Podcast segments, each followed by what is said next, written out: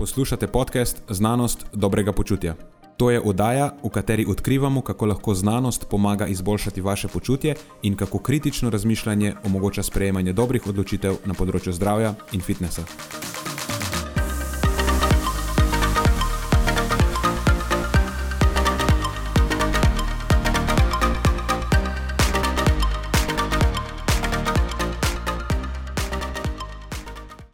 Pozdravljeni, z vami smo Nenad in moj sovoditelj Marijo. Tokrat je na sporedu posebna epizoda o družabnih omrežjih, nek social media special o tem, kako naše odejstvovanje na internetu vpliva na dojemanje zdravega in privlačnega, ter kako predvsem družbena omrežja oblikujejo ali pa še bolje rečeno razdirajo našo samopodobo, občutek lastne vrednosti in naše dejansko zdravje, tako psihološko kot fiziološko, skozi promoviranje nerealnih telesnih idealov in drugih raznih nezdravih praks. Preden začnemo, pa se moram zahvaliti še našim sponzorjem. Zaenkrat to še vedno ni velika korporacija, temveč zvesti poslušalci, ki nam izkazujete zaupanje in podporo s prijavo v našo člansko skupino Znanost dobrega počutja. Hvala vsem, ki s tem držite luči prižgane in omogočate podkastu, da raste in postaja še bolj kakovosten. Hvala tudi vsem, ki nas podpirate s pozitivnimi komentarji in visokimi ocenami, ter s tem, da priporočate podcast svojim znancem in prijateljem. Zdaj pa je končno čas za začetek epizode. Uživajte ob poslušanju.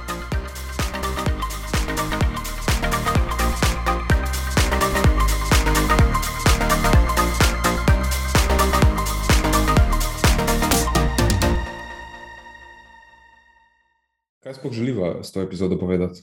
Oziroma, kaj, kaj bo uporabna vrednost? To je zelo pomembno vprašanje, tudi o tem sem razmišljal. Um, meni bi se zdelo smiselno, oziroma že dovolj uporabno, to, da se posveti luč na to problematiko, da se o tem govori, ker se mi zdi, da se zelo malo o tem govori. Mene predvsem moti, da uh, se zelo na velik zvon obeša um, nekaj pod, glas podpornikov, nekaj, nekaj ideje. Um, recimo, če nekdo da ven nek, uh, veš, kaj imajo pač Instagramerji, da je kakšne akcije, 30-dnevne izzive, 20-dnevne izzive, neke weight loss uh, tablete, neke butaste produkte, ki tako vejo, vsi da ne funkcionirajo, se zelo pogosto daje ven samo sporočila podpore, hej, to je full dobro, sem probu. Uh, vsako neko kritiko se ponavadi ušutka, ker se jo lahko zbriše. Uh, tiste neželene posledice uporabe ali pa tisti, ki sledijo tem idejam, ti pa pogosto ostanejo, a veš, oni pa nič ne govorijo, pol. oni pa ostanejo sam tih. Doskrat so te stvari maskirane, kot vse to je za dober namen, vse motiviramo ljudi s temi 30-dnevnimi izzivi. Ja, in potem točno to. Ne? In potem se pod temi dobrimi nameni skriva uh, škodljive prakse. In potem se govori, da vse jaz od deset, tri zajemam, ampak lej, se nima veze, pa če vedno sem pozitivna sila v tem vesolju, boljš, da sem, kot pa da meni. In tisti trije, ki ne, ostanejo z hujšimi nekimi psihičnimi ali pa fizičnimi zdravstvenimi posledicami, uh, oni pa potem se ne razpišajo na svojih ne, socialnih omrežjih o tem, da so oni pač sodelovali tam z nekom, ki jih je fuz zajebo. Doskrat se mi zdi, je tudi nek sram prisoten. Sram je prisoten. Dobiš občutek, da ti nisi bil zelo dober, če to toliko ljudem funkcionira, ker če se prikazujejo samo pozitivne zgodbe, hitro dobiš vtis, da očitno veliki množici ljudi funkcionira, ta zadeva deluje, kaj je bilo z mano narobe, da, da stvar ni delovala. Ampak to je potem ta survivorship bias, se ti mu reče. Ko vidimo samo pozitivne zgodbe, mogoče množica slabih zgodb, pa negativnih izkušenj, pa ostane pod površjem, pa se ne vidijo. Ampak ti se pa primerjaš lahko samo s pozitivnimi zgodbami in si ustvariš slab vtis o sebi. In zdaj, ko sem me vprašal, kaj bi bil, recimo, kakšna bi bila uporabna vrednost, zdi se mi, da je to ena izmed njih, da se, da, da se govori sploh o tem, da dejansko obstajajo ljudje, ki niso v majhnem številu, ki niso izjeme, ampak so precej, ne, precej velika množica. Um, ljudi, ki potem pridejo nekako tihe miške k nam, potem, ko so vse živo možno probali, vse posod pobrali neko ali škodljivo navado ali razvado ali neko pač težavo, in pa na koncu so praktično razsuti posamezniki, um, žrtve neke, nekega negativnega body imidža, po možnosti nekih zdravstvenih težav, težav z menstruacijo, težave s hormonskim zdravjem, težave z vsemi živimi možnimi eh, rečmi, in zdaj pač ne. Ok.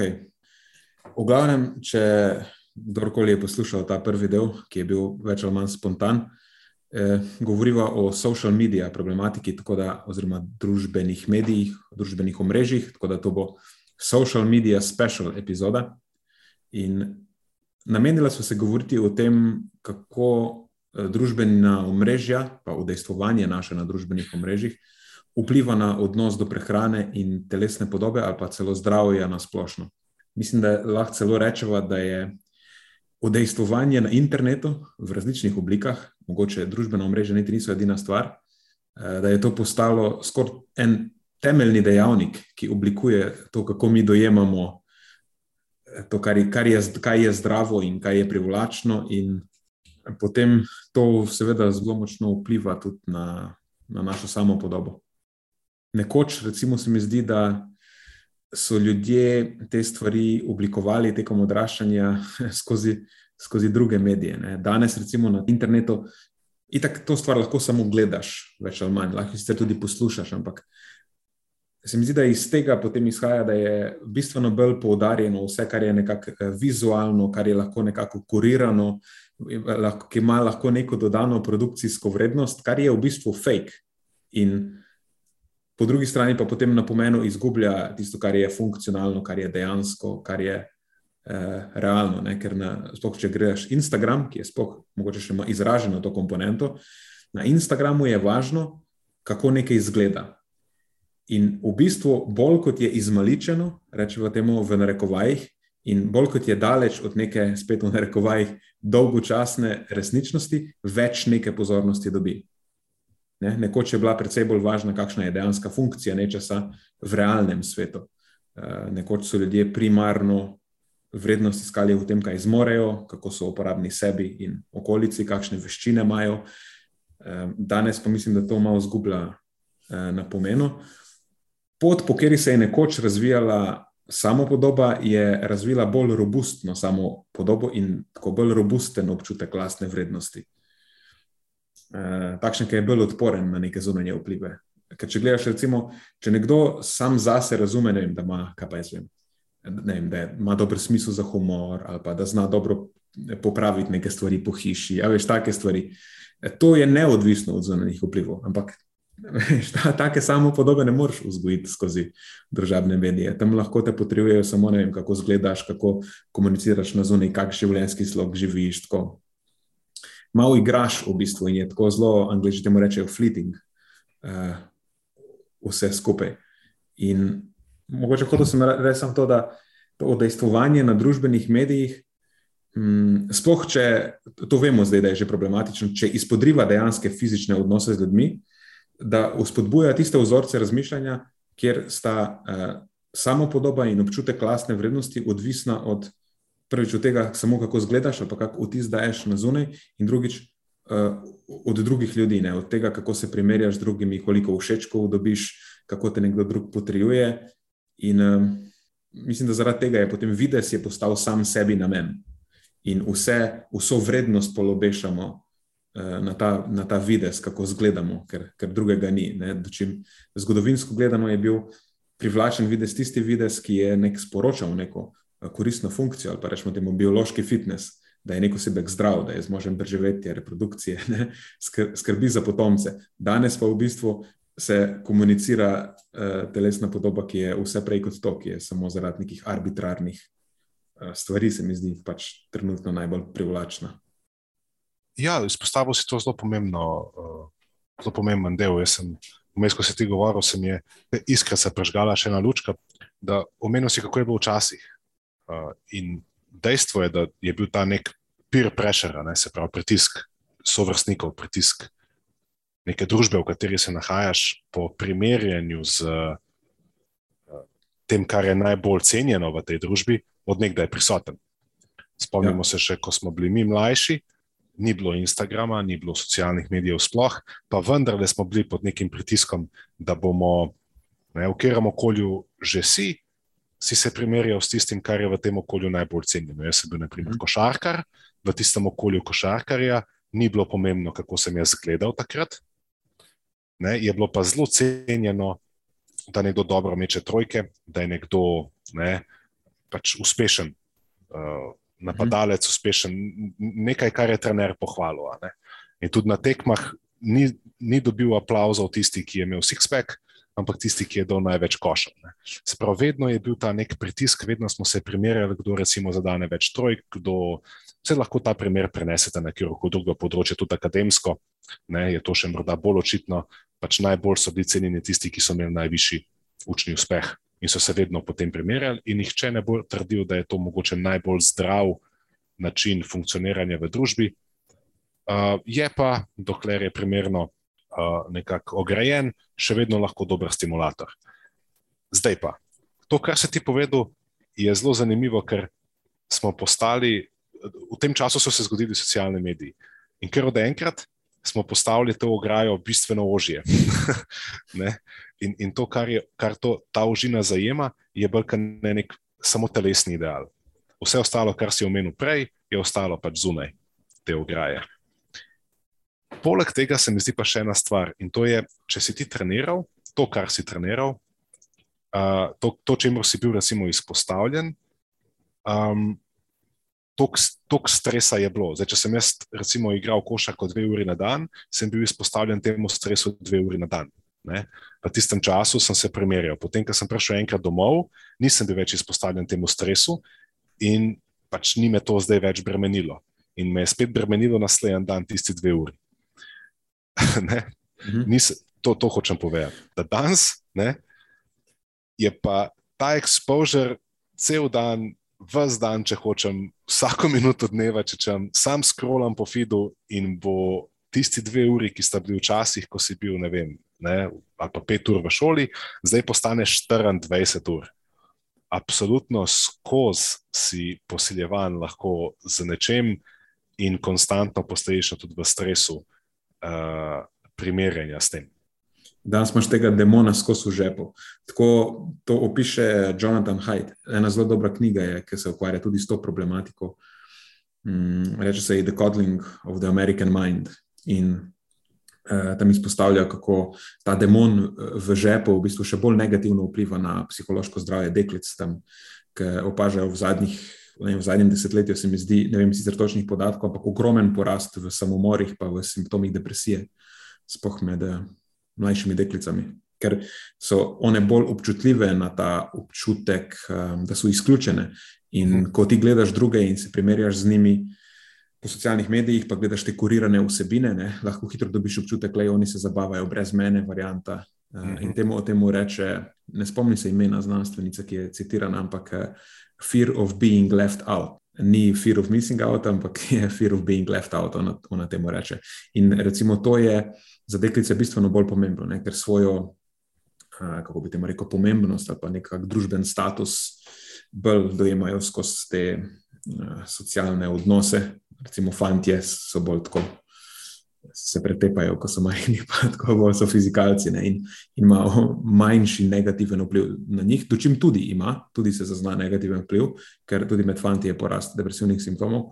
Uh, ampak uh, Jonathan Haidt v tej knjigi, ko predstavi tako uh, precej tesno hipotezo, ki je tudi podprta z, z podatki, um, da spoh na, na, na deklice ima to še bolj negativen vpliv. O, zanimivo, vidiš, zanimivi podatki. Um, fajn, da si to ostavil samo tako, ker se zelo fajn poklapa. To, kar sem um, nekako želel tudi dodati, je, da v času, ko sem jaz začenjal svojo pot, to je bilo recimo 15 let nazaj, ko sem iskal svoj prostor v fitness industriji, si predstavljam, da ti mladi, ki danes to počnejo, uh, so v podobnem nekem okviru razmišljanja, kot sem bil jaz takrat. Da to počnejo na nekem drugačnem igrišču. V tistem obdobju um, je bil ta telesni vidik mojega posla, posla trenera, kulta trenera, da je reč, primerjen in pomemben samo med trenerji Se pravi, osebni trenerji, fitness trenerji so en drugega ocenjevali po tem, kdo je bolj spreman, kdo ima večje mišice, kdo ima six-pack. Zanimivo je to, da za uspešnost našega dela in za spoštovanje tistih ljudi, ki jih želimo nagovarjati, to ni bilo pomembno. Nihče nas ni tako dojemal. In tisto, kaj so, kot si ti prej zelo dobro rekel, zato se mi je to, ne, ti si rekel, da včasih ne, so ljudje iskali korist. Iskali so veščine, kaj jaz zdaj njim lahko dam, kako sem jaz lahko njim vreden to je bilo zdaj za njih nekaj, kar oni iščejo. In potem so izbirali trenerje. Torej, jaz, če sem hotel preživeti v tej industriji 15 let nazaj, pa potem do 10 let nazaj, kako je Filgud nastal, sem mogel najti svojo vrednost in ta vrednost ni bila biceps in sixpack, ni bil social media presence, niso bile eh, zretoširane fotke, ampak je mogla, mogel je biti kontent. Danes pridejo ti isti mladi kineziologi, trenerji, eh, nadebudni fitness, eh, ne, eh, fitness osebnosti, in zdaj oni iščejo prostor pod tem soncem zase in iščejo, kako lahko nagovorijo stranke, ki jim bojo podali svoje storitve. Samo da zdaj počnejo to na kanalu, kjer pa, pazi to, kontent nima nobene vrednosti. Ne? In kako zdaj oni dobijo stranke, kako oni dobijo kupce, ja, to besedno postajajo nekaj, kar so bile nekoč za nas, zadnje strani Salomonovega oglasnika. Pač to je zdaj grdo rečeno, ampak je absolutno res. Mora boš pojasniti, kaj je bilo na zadnjih stranih Salomonovega oglasnika, ker po mojem to uh, te generacije. Reči so se nasmejali. Ja. Pač na zadnjih stranih Salomonovega oglasnika so bile včasih pač take, ni bila nikoli pornografija. Ne? Pač to ni bilo. Ne? Ampak so bile pa tako zelo drzne slike, eh, ponavadi pač žensk, pa tudi moških v takih seksi zapeljivih položajih, ki so tako mal bile žgečljive, pa so mal. Promovirale neke svoje, češ pokliči me, lahko ti ne vem, to pa tisto, pa tretje, če si osamljen in ne vem kaj. Ne? In zdaj, če pogledaš večino insta objav naših vrlih znanih influencerk in influencerjev, ugotoviš en zanimiv vzorec. Ugotoviš žgečljivo privlačno sliko, ki pač se ti jo skoraj zdi malo tako, wow, a, a je to prav, da jaz to gledam, ne? ker je tako že na pol, na pol je. Ne? Je to legalno? A je to legalno, ne? ker tako že, pač, ne? že gledaš, če je nipel ven gleda, že gledaš, če pač sploh ima kaj oblečen, vidiš kar slike na spalencah v seksi spodnjem perilu in ne vem kaj. In spodaj, ki pa poiščeš kontent, najdeš pa ne pač nek motivacijsko-inspirativni kvot, in spodaj pač povabilo, da lahko ti pomagam, ne vem, spremeniti tvoje življenje. Ne, še nekaj tazga, putastega. Ne. Pač, če to ni eno isto, jaz ne vem. No. Se pravi, boli me, boli me, ker je posel fitness trenerja, oziroma posel, trenerski posel nasploh, je v teh desetih plus letih postal razvrednoten ne, do točke pač neke, nekega porno modela. Ne. In to, in, in to je. To mi gre težko, težko po grlu, težko, težko to, to, to požrem in zato se trudim s temi osebinami. Uh, vem, da sem mogoče doseden, ampak se trudim komunicirati, kot vem in znam, da bi, da bi probo na nek način vplivati na to. Kaj ti misliš? Ja. Sprašujem se, če so res to trenerji, pa ljudje, ki se ukvarjajo s trenerskim poslom. Mislim, da so v fitness industrijo infiltrirali neki hmm, če lahko rečemo, laiki, ki se pozicionirajo kot nekdo, ki kao ve, kaj dela skozi določen tip telesa. E, ima privlačno telo in ljudje mislijo, da zato, ker nekdo dobro zgleda, je verodostojen vir informacij, če bi tudi oni želeli narediti nekaj na tem, da bi boljše izgledali, ali pa da bi bili bliže njihovi, uh, bliže temu, kako oni izgledajo. Ne? Ker to je pa že pol druga debata. Če to, kako oni izgledajo, je dejansko nekaj, kar si ljudje želijo, temu lahko potem nameniva malo več pozornosti. Jaz bi si želel, da si je. Ker tipi teles, ki se danes komunicirajo kot najbolj privlačni, v narekovajih, mislim, da so daleč od tega, da bi bili tudi najbolj zdravi ali pa najbolj zaželjeni, če res so nam pomembne funkcije telesne, ne samo to, kako nekaj izgleda. Torej, če bi želeli, da naš tip telesa podpre tudi naš življenjski slog, ne samo to, da se lahko damo v izložbo ali kakorkoli. res je, to, kar si rekel, se strinjam. Zanemaril sem en aspekt ljudi, ki so, kot si rekel, dobro infiltrirali na to področje in se dejansko promovirajo kot neke avtoritete ali pa strokovnjaki, ki lahko ljudem na tem področju pomagajo, čeprav nimajo nobenih, recimo, nekih, niso kredibilni. Pa vendar, mi pa z Matjažem včasih se greva en hec. Ko imamo 15 minut časa ali pa pol ure časa med strankami v, v, v, v, v Čimu, um, pobrskava malo po Fidu, še posebej on, in potem, da, da skrajšam zgodbo, sva našla pred časom ene par uh, popularnih, uh, najbolj popularnih, objav najbolj popularnih, uh, pazi, trenerk in trenerjev, ne nekih fitness ličnosti. Ampak to so, bili, to so bile osebe, ki so trenerji, ki prodajajo trenerske storitve. In smo pogledali feed. Od 20 pa do 30 tisoč sledilcev, 20 do 30 objav zgodovine smo pogledali. To je bilo. Vsaka četrta objava v povprečju, vsaka četrta objava v povprečju je imela vsebinsko vrednost, pa še to zelo površno vsebinsko vrednost, ki je tako bolj v smislu, a veste, jaz bom zdaj dal vsebinsko vrednost na področju prehrane, jejte več zelenjave. A ja, hvala, ok. Ampak ostale tri vsebine so bile pa, lej, tukaj se slikam žogo. Aha, ti je všeč ta žoga, jaz sem na pol naga, ful dobro zgleda na tej žogi, tukaj imaš link, kjer lahko kupiš to žogo z mojo kodo za 25% popusta. Aha, le tukaj te trakce, ful so dobri za vaje za rit, le lahko delaš levo pa desno, tukaj kupaš te trakce s 25% popusta z mojo kodo. Mm, ja, na, na, to je to, v bistvu ne? reklamni panoje. Reklamni panoje. In, in to je reklamni pano, ki ima 20 do 30 tisoč sledilcev. Potem pa pogledaš tudi nekatere naše, da ne bomo samo nas izpostavili, da ne bo zdaj spadal sam sebe hvalijo, ampak imaš tudi naše kolege, ki delajo dobro, se trudijo vsebino. Pa pa pogledaš, nekdo je porabil eno uro časa, da je naredil nek research, zbral neko vsebino, naredil nek zapis. Absolutno vsaka vsebina, če govorimo o tvojem feedu, o mojem feedu, o Matjažovem feedu, vsaka, vsaka vsebina, uh, vsaka objava pride z uporabnim kontentom.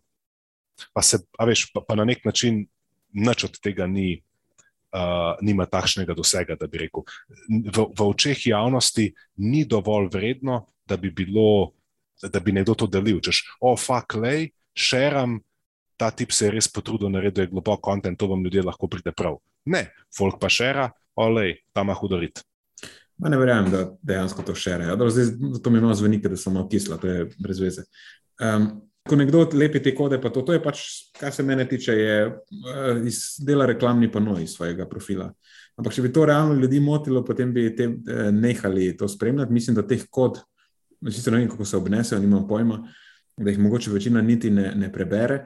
Kar se meni zdi osebno bolj problematično, je potem pač položaj, v katerih se ti ljudje slikajo in kaj dejansko s tem komunicirajo. Ne? Pusti ob strani to, da nekaj stvari prodajajo, mislim, se je nekako si kruh morajo zaslužiti. Uh, mislim, da je bolj sporočilna vrednost tega, je, je bolj problematična. Uh, in kaj se zgodi, da dejansko, zakaj imajo ti profili dejansko 20 do 30 tisoč sledilcev? Zdaj, ok, razumem. Jaz sem lahko bil interpretiran v tem, kar sem prej povedal, kot nekdo, ki je hater. Priznam. Prav, ne bom, pa ni bilo tako mišljeno. Moja, samo iz, govorim iz tega, iz tega, kar sem prej omenil, da me moti, da mi imamo znanja, trenerji imamo znanja pomagati ljudem z neko uporabno vsebino. Ne mi reči, da je tvoj domet, ne, na tukaj pač prodajo ti bom izdelke. Ne. In, in ne sprejmem tega, da ja, le z nečim si morajo služiti kruh. In, bo, in bomo postali prodajni pano za, za, za, za od, vse od kozmetike pa do vrtnarskih storitev če bi oni dejansko imeli kompetence za služiti denar z nečim drugim, potem bi najbrž to storili. Ja, vidiš, to je pa zdaj problematika, ki si zadev nekako, zadev si, kako rečeš, ono, uh, uh, žebel, ne, direkt na sredino.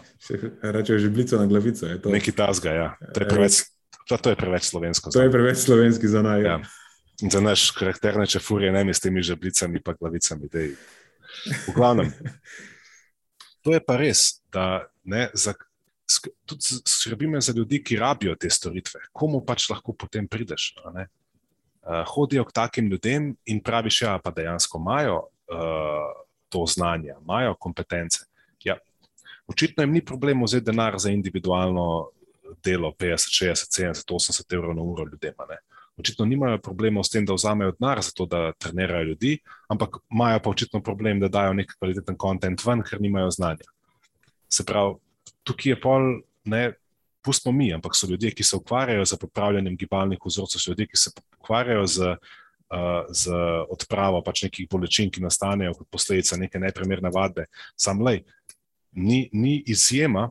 Da v komercialnih džimih, ki hodim, pa opazujem, pač, kako se dela z ljudmi, vidim pač neke ženske v srednjih letih, okoli menopauze, uh, da pač skačejo na bokse, pa delajo brpije. Pa ne me zabavati. Ne me zabavati, komu se to zdi pametna ideja. Pa si ti razmislil. To, mislim, to, to ni v redu. No? Fizioterapeuti se bojo smejali, rekli bojo v redu, a ne pač delo za nas. Ampak, ne vem, zakaj sem se zdaj tako razburil, sam mogoče razumeš, zakaj me to skrbi, ker je nek tak trend, ki ga ne znam ustaviti. Ne vem, če smo ga sposobni kot industrija ustaviti. Me mal skrbi pogled na prihodnost. Mm, ja, tukaj so zdaj zavila, so, so malo smeri, uh, ampak vse je dobro lahko potegnemo nauk iz tega, da mislim, da danes se preveč poudarka daje na to, kako nekdo zgleda. In nekdo, v bistvu, ne odvisno od tega, kako, kako je videti, ali pa kakšen je tip njegovega telesa, je lahko dober ali pa slab trener. Um, ker v nekih, sploh v nekih ekstremih, eh, ko govorimo o tipu telesa, so potrebni vložki, ki jih vsak, ki je pameten, ni pripravljen plačati.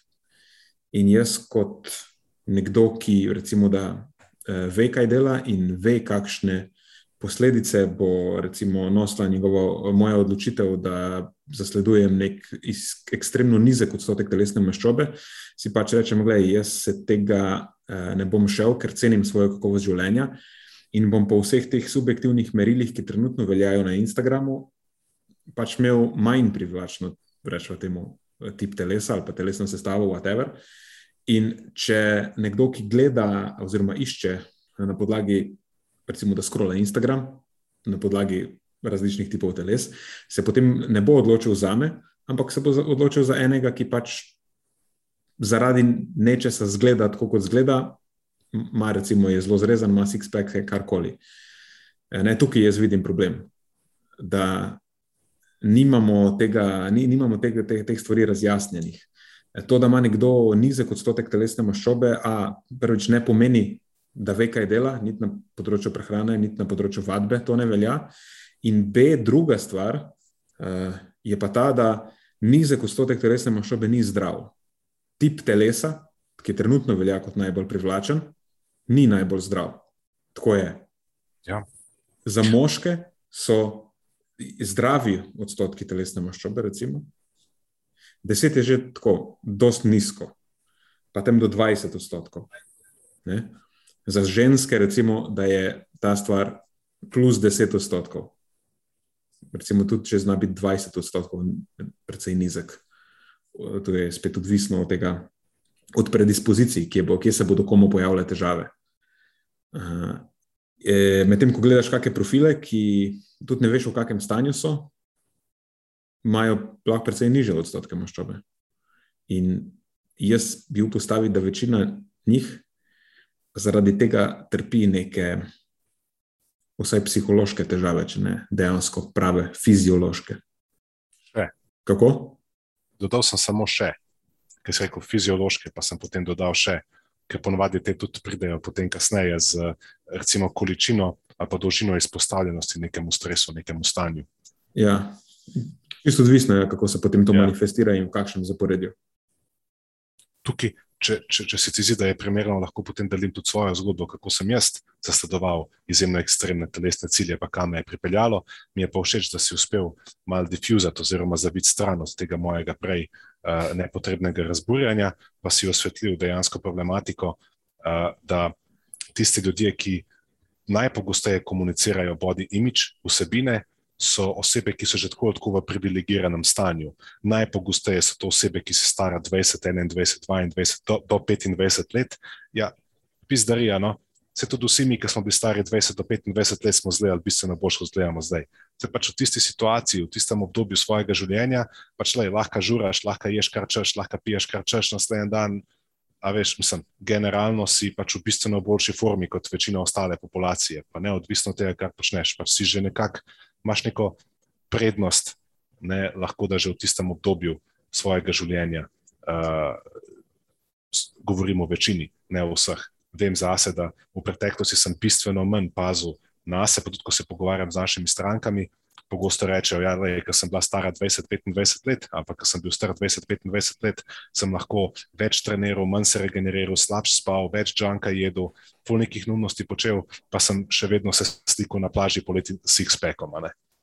To, to je to, kar si prej poskušajo izpostaviti. Da, uh, to, da nekdo zgleda na bit, da, da ima neko, ne, neke fizične predispozicije, ne pove povsem nič o njegovem načinu življenja, o tem, kaj bi vas uspel naučiti. Mhm. Ker eh, to je res močno odvisno od naših predispozicij. Že sama razporeditev telesne maščobe. Če si nadarjen v to smer, da vse skladiščiš okoli trebuha, lej, ne boš imel six-packa. Ne boš ga imel. Pa da se ubiješ. Sploh ne, ne, ne v zdravem stanju. Če pa skladiščiš, recimo, maščobo bolj okoli bokov, pa po nogah, potem pa lahko z nekim zelo zmernim odstotkom telesne maščobe postanejo vsi speki vidni. In to je pač, tega ne moreš spremeniti, lahko sam starše si znova zbereš, ker je na koncu dneva loterija. In enako imaš pa te razne Instagram modele. To smo se včasih šalili, ne, da kaj je predpogoj, da postaneš buti trener. Ja, mi se moraš imeti ugodno razporeditev maščobe, ne pa pajkice si moraš obleči. To je to, to, to sta dva predpogoja. Ker če se ti skladišči vsa maščoba, uh, okoli bokov, po zadnici in pač po nogah, in se ti noč ne skladišči skoraj okoli trebuha, pa si moš sam nadeti ene take zelo seksi pajkice, da to maščobo stisnejo skupaj, pa da zgleda pač uh, tesno. in je to to. Ne rabiš niti trenirati ne, za zadnico, ker pač zgleda privlačna in zaobljena, kot je to zdaj kao pri, najbolj privlačno. To je tisto, kar je v tej zgodbi najbolj moteče. Ne, da ti ljudje, ki pa imajo to ugodno razporeditev maščobe in vejo, da jo imajo, in vejo, da so nadarjeni, in vejo, da je niso pridobili s tem, ker so delali uh, 250 hip trastov na dan, pa hodili levo, desno z gumico, dokler jim pač veš, ni rit odpadla, ampak so že v štartu imeli tako postavo, oni zdaj. Ne, zavajajo s tem, da prodajajo kao neke izdelke, s katerimi bo ljudje, če bojo delali te vaje, pa imeli tako rit kot oni. Pač to se nekako sporoča. In točno to, kar ti zdaj poveš, tega se večina ljudi zaveda, pa nihče noče povedati, ker je grda resnica. Ker pač pa noben ne bo hotel kupiti teh izdelkov. Zato je srč tega problema, zakaj primerjanje z drugimi uh, vodi v prepad slabe samopodobe. Ker ne moš ti sebe primerjati z nekom drugim, ki ima čist drugačne predispozicije. Najbolj pošteno do sebe je primerjati trenutnega samega sebe z nekim prejšnjim samim sabo in potem vidiš, kak napredek si naredil. Ker čim se začneš primerjati z nekom drugim, pa ne upoštevaš tega prvič, kakšne predispozicije ima, v kakšni trenutni življenjski situaciji se nahaja. Nekdo, ki je trener, dela to cele dneve, živi v džimu. Večina splošne populacije ne živi v džimu, komaj najde tiste tri ure, dve uri, kako koli pač na teden, da se da se sploh spravi v žim, pa ko me izbere dovolj volje, da pač povadi, ker itak ima že naporno službo, otroci jim tečnarijo doma, mož je tečen, v kupenih drugih problemov imajo in je že za, za teh par treningov sem problem zbrati časa in motivacije. Dočim un trenerček tam, pač le on živi tam v žimu, komaj čaka, da bo vsak dan dvakrat treniral. Poleg tega on najbrž nima drugih oblik stresa, pa je pač vadba njegov edini stres v življenju, pa si lahko privošči, malo več, da malo več trenira. Eh, njegova regeneracija bo boljša, ker je to edini stres, od katerega se mora regenerirati, in potem, ker pač vala tudi hitreje napreduje, on bistveno več volumna lahko spravi noter kot ti, ki si navaden človek. Ne, ne moreš se, pač ne moreš se primerjati z drugimi ljudmi, ni, ni pošteno. Ampak točno to naredimo. Spremljamo neke profile, ki živijo idealizirano življenje, ki imajo vse pogoje, skoraj optimalne, ne, v celo življenje se vrtijo okoli tega, kako bodo zdaj oni izgledali. In če smo čisti iskreni, meni se zdi, da živijo res žalostno življenje. Jaz osebno na nek način mi je malo žal za njih, realno. Zato me te zadeve ne razburijo, ampak se mi smilijo ti ljudje. Ker celo življenje, predstavljaj si kakšna, kakšno žalosten obstoj je to, da se ti celo življenje vrti okoli prehrane in vadbe. da odvračaš eh, neke socialne interakcije, da vsaka interakcija s hrano ti povzroča stres, da te vsi čudno gledajo, le kaj ta spet si je v ta preveru na piknik stvari sabo prinesel. Eh, da te vsakič vpraša, a ti ješ to, a ti ne ješ to. Da ne, mo, ne boš šel, ne vem, s prijatelji na fusbal, zato ker imaš jutri trening nog. Um, ne, to zdaj, če koga slučajno zanima, zakaj je to vse iz glave, tako vem naštevati, zato ker sem jaz bil ta oseba. Uh, in, in vem, kako žalosten obstoje to. No, hotel sem reči, ja, da nekdo na zunaj lahko zgleda, pa se vam zdi, wow, fuck, ta je pa res full dober, lej, kako si je zrihtel življenje, gledaj, kako dobro zgleda, jaz bi tudi tako zgledal. Sam, ker mi vidimo samo na zunaj, kaj nam on prezentira, ne vidimo pa vseh vložkov, ki grejo v to. In niso niso mogoče, nobenih ne bi plačal. To je tako, kot jaz vidim, Porsche fura po cesti, pa si mislim, da to bi bil super, eh, če bi imel Porsche. To bi, bil, to bi bilo res super, jaz si fur želim imeti tega Porsche. Sam šele potem, pa, ko se spomniš, ok, sam, hm, to je močna mašina, tukaj bo registracija, draga, veš, vse ono, kar moram plačati, se zrše zraven, ok, nočem ga več imeti. Ne? Podobno je tukaj. A bi res imel tako telo, če bi mogel plačati ceno, da se vse vrti okoli tega, da ti dosežeš ta cilj, Plus to, da ne govorim še pol o tem, da enkrat, ko dosežeš to, ima negativen učinek na tvoje zdrave. Ker tako nizek odstotek maščobe za večino ljudi pomeni, da jih je, da imajo, oh, mislim, kar je najbolj pomembno, imajo nižji libido, to je že prva stvar, kjer ne bi hotel imeti. Uh, imajo najbrž kakšne hormonske probleme ali pa recimo izostanek menstruacije pri puncah in vse negativne posledice, ki temu sledijo, ki so pač tako res niso zanemarljive, uh, ker se dotikajo vseh aspektov našega zdravja. Uh, tako kot recimo več varovancev, s katerimi smo delali, pa nekako smo potem ustanovili, da so imeli relativno energijsko pomankanje, sploh če so bili športniki. Poleti pride, ima poleti zunaj na soncu, naporen trening in reče, da je vzebe med treningom. Zamišljaj si to. Kaj se še lepo zgodi po zimi, mislim. Ampak ja, potem so to dejansko fiziološke posledice na, na zdravje, ki jih moraš konstantno plačevati, da vzdržuješ to. In tukaj je ena zanimivost ti ljudje, ki to počnejo, ki si zdaj naštel, ki pač si rekel, da jih malo pomiluješ. Meni je zanimivo, zakaj sem postal tako glasen spokesperson, zakaj me to vse skupaj tako razburi. Ker v vseh teh letih, ko delamo, se tudi sam veš, ki si se priključil, koliko je prišlo nekih teh influencerjev, uh, nekako tako inkognito, pač k nam, češ jaz rabim pomoč, sam da ne povejati v smislu. Uh, veš nobenemu, da, ne, da sem zjeban ali pa zjebana, zato ker pač to funi dobro za ne, moj sliko, ki jo predstavljam v javnosti. Uh, veliko njih, ki tudi komunicirajo vse to, kot si samo omenil, imajo zelo veliko težav, o katerih pa ne radi ali pa sploh ne govorijo, ampak še kar ustrajajo v tem, kar delajo, in vse negativne težave, vse težave, ki jih imajo, pač nekako ne, pometejo pod preprogo. In to je tisto, kar se mi zdi danes uh, tudi precej pogosto. No, da ne samo, da ljudje se ne zavedajo problematike, ki lahko nastopi, če bojo ne, šli po tej, po tej smeri, ampak tudi tisti, ki to komunicirajo, imajo že vse te težave, ki pa ali se delajo, da jih nimajo, ali pa jih nočejo priznati ljudem. Ja, uh, mislim, zanimiva situacija je. Uh, Ker potem, ko dejansko slišiš zgodbo. Težava nastane, ker se dosti krat z dobrimi nameni eh, se, se zapletejo, naredijo sami sebi težavo. Ker enkrat, ko je tvoja znamka znana potem, da imaš tak tip telesa, ne, da komuniciraš določene eh, stvari, potem tudi, ko ti ugotoviš, oh, šit, sem to pa ni koristno niti meni, niti drugim in si to želiš spremeniti, ne, povsem z dobrimi nameni, eh, je doskrat potem težko to zadevo rešiti tudi zaradi tega mi, mi je po eni strani je žal za njih, ker delamo z njimi in, in pol vidim, kako težko je, je te stvari servisirati za nazaj. In da so, oni, da so dejansko tudi oni žrtve tega. In pa priješ do nekega mutiranega izrodka, kjer nekdo, tudi to se je že zgodilo večkrat, sam boš takoj, ko bom začel govoriti o tem, se spomnil na kar nekaj primerov, ko nekdo komunicira prave stvari o body imidžu, komunicira ne se primerjati, komunicira ne dajati gor nekih takih slik.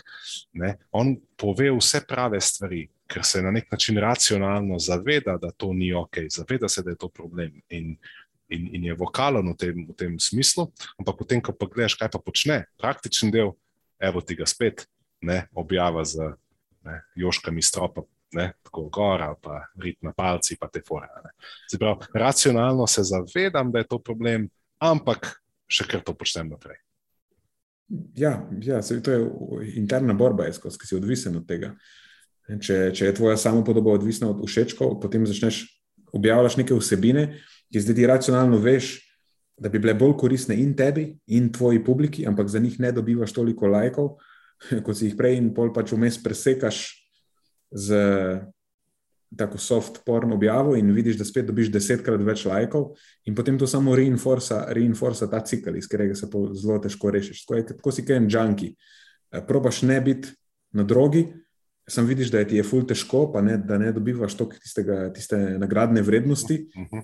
In pa da bom sam enega zdaj objavil, veš, da tako si malo lajšam to, ker se že skoraj tresem, ker sem dobil sam desetkrat manj lajkov. In potem objaviš to in spet, spet reinforcajo to. Tako, oni so v bistvu v tej zgodbi tudi na nek način žrtve. Vse postavili so tega Frankensteina.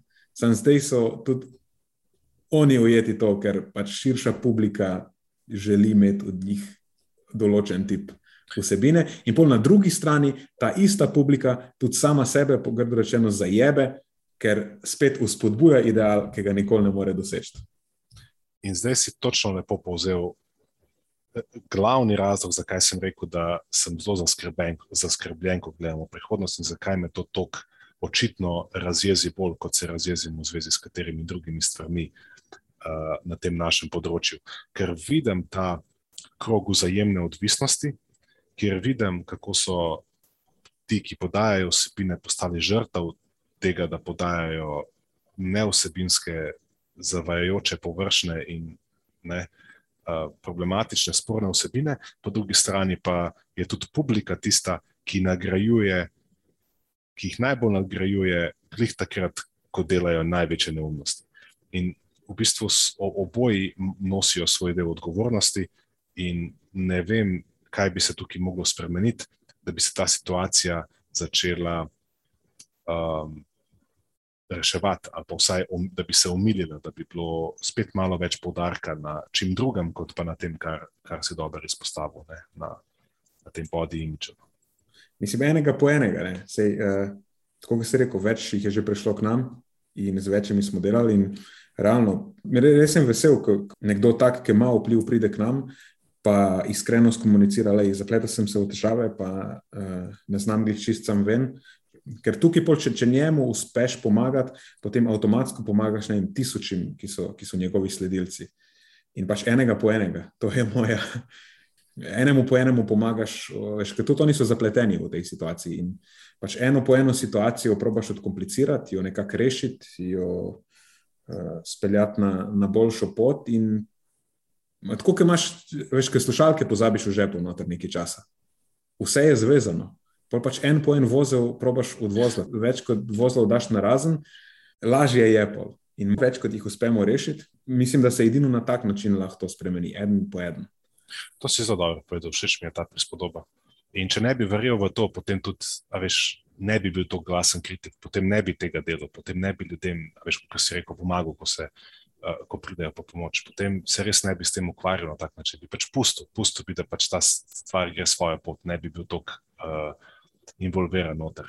Um, in uh, mogoče lahko dodam to, kar si rekel, z nekim takim čist impulzivnim pozivom, da tistim, ki spremljajo vsebine nas, da postanejo malo bolj kritični da probajo namenoma naslednjič, ko vidijo eno soft porno, vsebi, eh, soft porno objavo brez vsakašne vsebine, ki je uporabna za njih, da se vzdržijo tega, da stisnejo like. Da se vzdržijo tega, da, je, da reinforcajo to. Da pač pomislijo, če so poslušali ta pogovor, ne, da, tem, da je to neka mala stvar, kateri lahko prispevajo k temu, da se nek ta landscape, ne, ta pokrajina naša, malo uredi. In na drugi strani, da tisti, ki pa dajo take vsebine ven, da mogoče res dvakrat premislijo, preden spet naslednjič se slikajo v neki, uh, v neki pozi, za katero v bistvu zares v sebi vedo, da ni ok. No.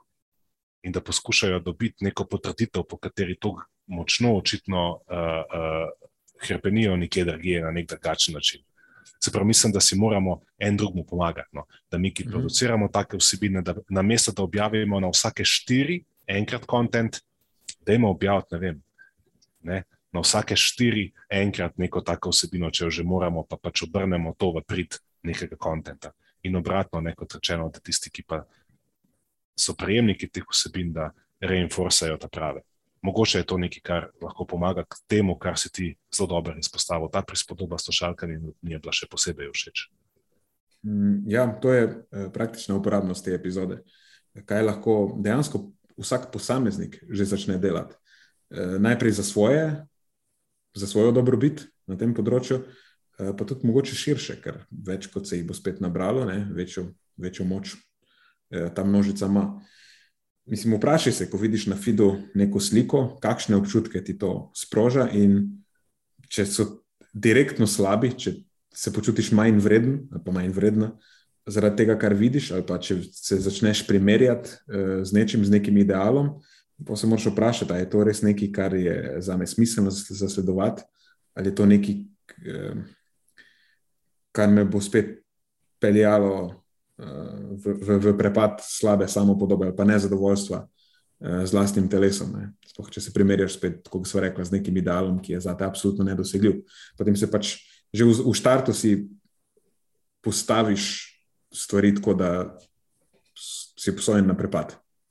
Ne, če stremiš k neki, nekemu, telesne, nekemu body imidžu, ki je za te nedosegljiv.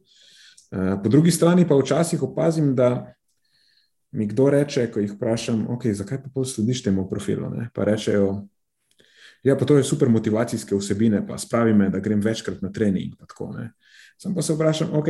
Na prvo žogo se to sliši kot super, motivirala te je za vadbo, odlično, motivirala te je za to, da spremeniš prehrano, ok, super.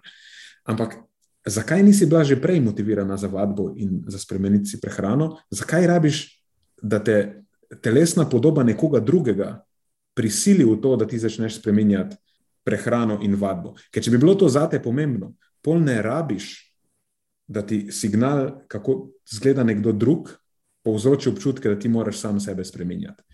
Če ti misliš, da rabiš, da te stvari spremeniš za svoje dobro, da boš imel ti benefit od tega, potem to lahko narediš sam. Ne rabiš, da ti drugi sporočajo, kaj moraš narediti. Ker Ne vem, če je na koncu dneva to res koristno, da iščeš motivacijo v tem, kako drugi izgledajo, pa slediš nekim drugim profilom, ki te kao motivirajo, da ti začneš več vaditi ali pa spremenjati svojo prehrano. Ne vem, če je to na dolgi rok pravi način. Mogoče je, nisem zihar, ampak. Jaz sem pa skoraj zihar, da zunanji vir motivacije, tako kot si ga opisal, ni uh, dolgoročno najbolj, uh, kako bi rekel, ni nek vir motivacije, no, ki bi bil sustainable, ki bi bil zdržen, ki bi bil zdrav, ki te bo pripeljal tja, kjer, kjer hočeš biti, devet koreš, ki te bo dejansko pripeljal tja, kjer, kjer ti je udobno biti. Zunanji vir motivacije. Ja, tudi jaz v praksi pri delu z ljudmi večkrat sem videl, da jih je to speljalo na slabše, da so bili na koncu manj zadovoljni sami sabo.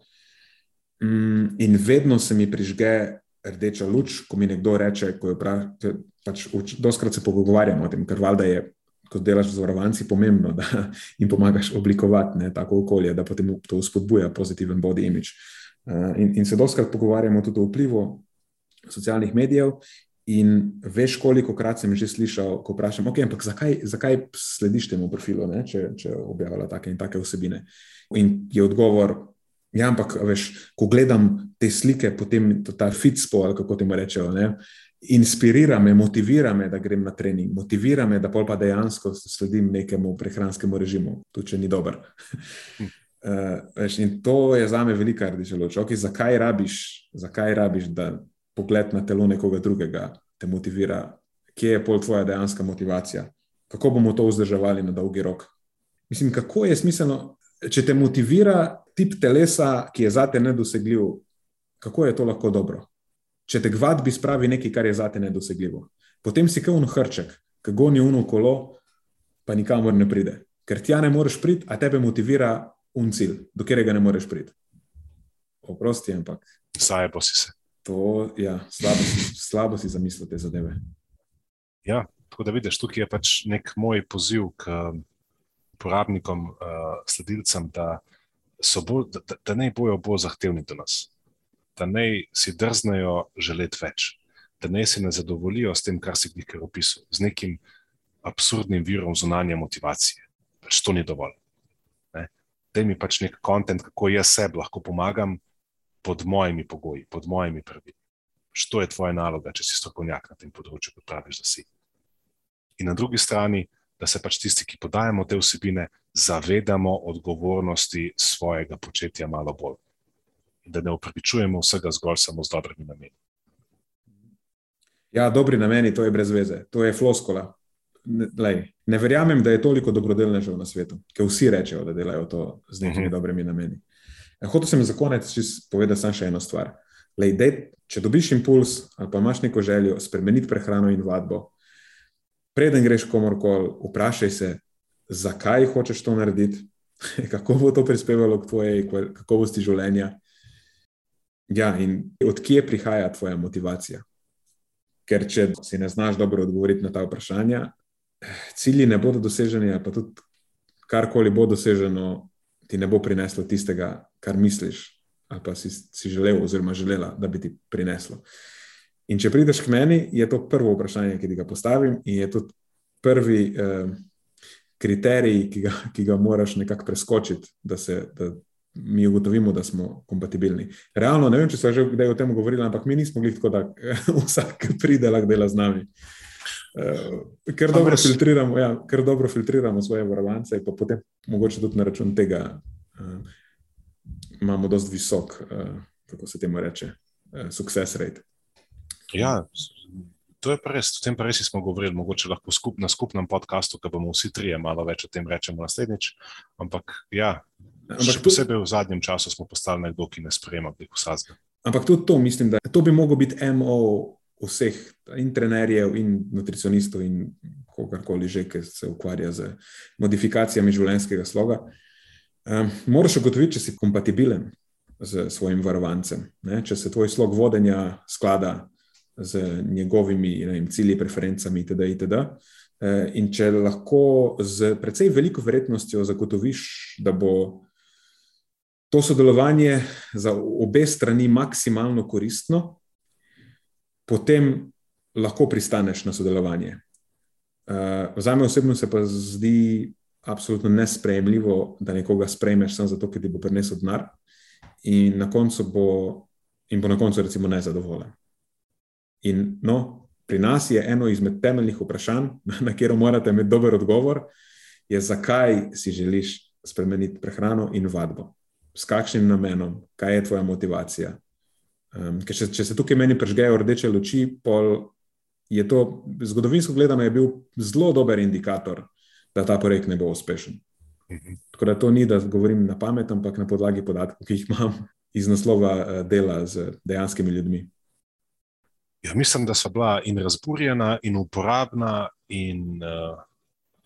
Me, jaz, nisem nekaj, jaz nisem bil nekaj. Zdaj se že malo hecam iz tega, veš. Ja. Da se že malo hecam iz tega. Sam, uh, smo pa passionate, vse je v redu. Sam, Nekaj ja, stvari so nam bolj ali pa manj pomembne in smo potem, ko komuniciramo o tem. Lahko pa rečem, da sem, kar se tega tiče, precej strasten. Um, še posebej, ker vedno, vedno, ko pride ljudje k meni, potem malo povprašam, kaj so počeli v preteklosti, ne, kaj, kaj so počeli preden so prišli k meni, zakaj so sploh prišli k nam. In, uh, veš, kaj? ena in ista stvar, vedno znova in znova. Ne. Sledila sem tem in tem profilom, počela sem te in te stvari. Vedno znova vidiš, kje so vzroki enih težav, bolj postaneš na to mogoče prekomerno občutljiv. Tako da se potrudim to svojo neko pristranskost omejiti, postaviti v nek primeren kontekst, vidim deljeno odgovornost ne krivim samo teh ljudi, ki, imajo, uh, ki dajo take objave. Tukaj pač sem vesel, ker si uspel to bolje od mene prenesti, da so tudi oni tisti, ki imajo um, ne, pač neke težave, uh, kako se iz tega cikla ven. Mm. Ja, tukaj, tukaj res ni nobenega, nobenega kazanja da. z prstom, ker videl sem, del, delali smo z ljudmi iz, iz obeh strani. Delali smo z navadnimi ljudmi ki sledijo določenim Instagram profilom ali pa ne, nekim drugim influencerjem, in delali smo z influencerji, ki vplivajo na množico, in ne, množica potem spet vpliva na njih nazaj. E, videl sem in vem, da ni kriv noben od njih. Sam točno to. Točno to. E, e, razvilo se je neko okolje, in zaradi določenih stvari se je, pač imamo zdaj to, kar imamo. In jaz pač sem pragmatičen, kot sem, sam vidim, da lahko, če hočem pomagati, potem moram pomagati pač malo razvozlavati na eni strani, ampak še jaz osebno raje razvozlavam na tem drugi influencerski stvari. In jim pač res rade volje priskočim na pomoč, če pridejo, ker pač vidim potencijalno moč v tem. Da, da če ta vozel razvozlaš, boš razvozlal tudi še tisoče, dva tisoče unih drugih posledično. Ne, zdaj, z navadnimi ljudmi, ko delaš pač enega po enega, razvozlavaš. Pa se je tudi rewarding vedno je fajn imeti mhm. izkušnjo, ko varovanec doseže cilj. To je tako. Pač, ni nikoli bilo slabo, še, ne? ko nekomu dejansko pomagaš doseči nek vreden cilj. Ampak un, na uni drugi strani pa tako res vidim, kako potem se eh, cela zgodba se, se spremeni. Ker dejansko vidiš, kako eh, zacveti ta nek nov profil, pa kako potem vse skupaj drugače zgleda. Ja, nimam kaj dodati. To je za tokrat vse iz naše strani. Hvala, ker ste poslušali do konca. Delite epizodo s svojimi znanci in prijatelji in jo priporočajte dalje, saj s tem omogočite, da sporočilo znanost dobrega počutja doseže čim večjo množico. Hvala vsem, ki nas podpirate s članarino in tudi vsem ostalim, ki delite podcast dalje in nam izkazujete naklonjenost z visokimi ocenami in pozitivnimi komentarji. Se slišimo prihodnjič, do takrat pa ostanite premišljeni.